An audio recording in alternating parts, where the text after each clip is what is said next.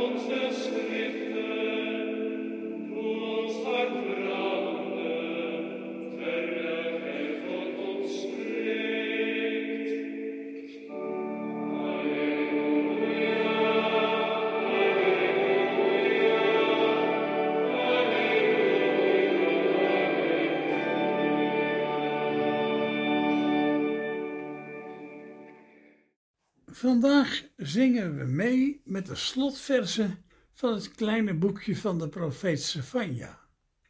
Sefania leefde volgens het begin van het boekje in de tijd van koning Josia. Volgens het verhaal uit het boek Koningen over Josia was Josia een van de vroomste en beste koningen van Juda. Het is dan ook zeer voorstelbaar dat Sefania de nieuwe politiek van de koning terugkeer naar de dienst van God, waar het allemaal mee begonnen was,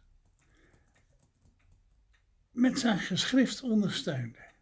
Josia werd al koning toen hij nog maar pas acht jaar was. Maar het verhaal vertelt dat hij zijn koningschap uitvoerde op de manier van David. Hij liet de tempel in Jeruzalem restaureren en zette daarmee de richtlijnen van God uit de woestijn weer centraal in het hart van de regering. Die richtlijnen laten zich samenvatten in het heb uw naaste lief als uzelf. Daar zingt het lied van vandaag dan ook over. Met de restauratie van de tempel, met het nieuw centraal stellen van de liefde in het hart van het rijk, hoef je nergens meer bang voor te zijn. Dat is ook de vreugde van Pasen, zoals christenen die veel later zouden beleven. Sefania had zich eerst tegen de omringende volken uitgesproken en zijn eigen volk gewaarschuwd niet met de afgoden dienaars van de vruchtbaarheidsgoden mee te gaan. Zonder die tempel was de stad ten prooi aan verachting en de mensen aan verdrukking. Nu is dat voorbij. Nu is de tijd dat het delen met elkaar, dat de zorg voor elkaar, dat recht en gerechtigheid voor alle mensen op de hele wereld moeten gelden, volgens Savanja. Voor christenen was het paasfeest na de dood van Jezus van Nazareth een eerste begin van het zich uitspreiden van de macht van die leer van Mozes over de hele aarde. Ook christenen laten dat overigens net zo vaak liggen als in de geschiedenis over Israël wordt verteld. Maar net zoals Israël in dat verhaal steeds weer opnieuw de tempel opbouwde en centraal stelde, mogen wij het gebod elkaar lief te hebben en alles te doen in naam van de liefde voortdurend weer opnieuw centraal stellen. Dat geeft kracht. Die Johannes moet met zijn herhaling van de leer van Mozes aan de rand van de woestijn een verpletterende indruk gemaakt hebben. Heel het volk liet zich door hem dopen. Iedereen wilde door het water van de dood, het water van de Jordaan, naar het land dat overvloeide van melk en honing. Het land van vrede, waar geen onderdrukking meer zou zijn. Paulus zal veel later op zijn reis in Klein-Azië nog volgelingen van Johannes tegenkomen, en wie hij moet uitleggen hoe de verhouding was tussen Jezus van Nazareth en Johannes de Doper. Net als in de dagen van Stefania waren de meeste mensen in de dagen van Johannes keurige mensen. Ze brachten hun offers, gingen op de Sabbat naar de synagoge, ze baden met voorgeschreven regelmaat, aten volgens de spijswetten en ze moorden niet, logen niet, stalen niet en aanbaden geen andere goden. Wat wil een mens nog meer? Nu, een mens mag misschien niet veel meer verlangen, maar God wil wel degelijk meer. Want met al dat uiterlijk godsdienstig vertoon wordt de aarde nog geen aarde waar mensen gelukkig kunnen wonen. Ondanks dat uiterlijk godsdienstig vertoon, dat fatsoen, die waarden en normen, gaan er nog steeds mensen dood van de honger. Lijden mensen onder de koude, zijn er arm in het land. De richtlijnen van de God van Israël moeten een duidelijke gestalte krijgen. Die richtlijnen moeten aan mensen zichtbaar worden. Het moet niet blijven bij mooie woorden. Daarom staat het delen met elkaar voorop. Warme kleren als je die hebt, eten als je dat hebt. Samen delen is het eerste zichtbare teken van de weg van de God van Israël, de Heer van de wereld. Ook de belastinginners voor de Romeinen, de tollenaars mogen de weg zichtbaar maken door niet meer te innen dan opgedragen is. Geen boekenwinst te maken uit het innen van belasting ten koste van de armen. Dat geldt ook voor de soldaten. Niemand afpersen, niemand laten omkopen en genoegen nemen met je soldij. Het zijn eigenlijk de eerste basisregels voor een geordende samenleving. Regels die we tegenwoordig proberen ingevoerd te krijgen in arme landen, zelfs met militaire vredesmissies. Het zijn ook regels die ingevoerd zouden moeten op wereldniveau.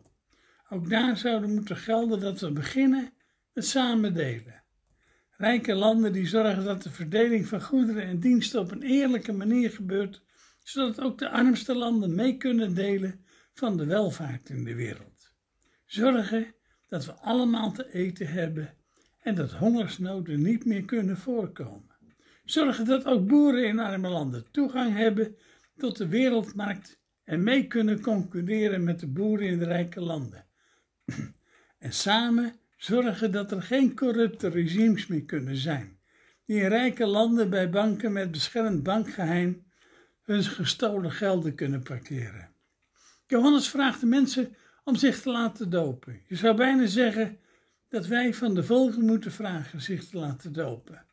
Maar laten we beginnen met zijn weg zichtbaar te maken door samen te delen en te protesteren tegen het roven door samenleving als de onze van de armsten in de wereld. Vandaag, op de derde zondag van de Advent, mogen we ermee beginnen. We hopen op een nieuwe aarde waar alle leed geleden is en alle strijd gestreden is.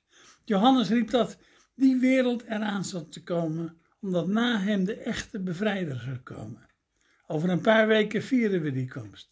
En van Jezus van Nazareth hebben we geleerd dat niemand langs de kant van de weg hoeft te blijven. Dat niemand buitengesloten hoeft te worden. En de moeilijkste les was dat je zonder geweld, ondanks een wrede dood, toch kan overwinnen en de aarde kan bevrijden.